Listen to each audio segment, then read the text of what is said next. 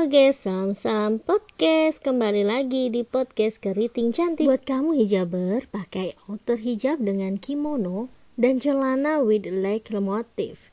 Itu bagus banget loh buat kamu. OOTD outer hijab untuk inspirasi penampilanmu memang gak habis-habis.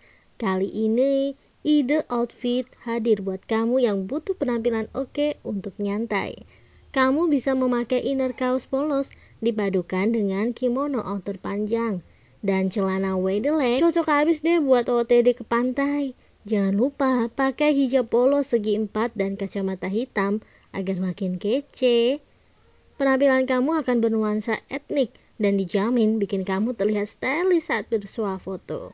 Itulah rekomendasi hijab fashion yang memakai outer kimono dan celana model wide leg motif.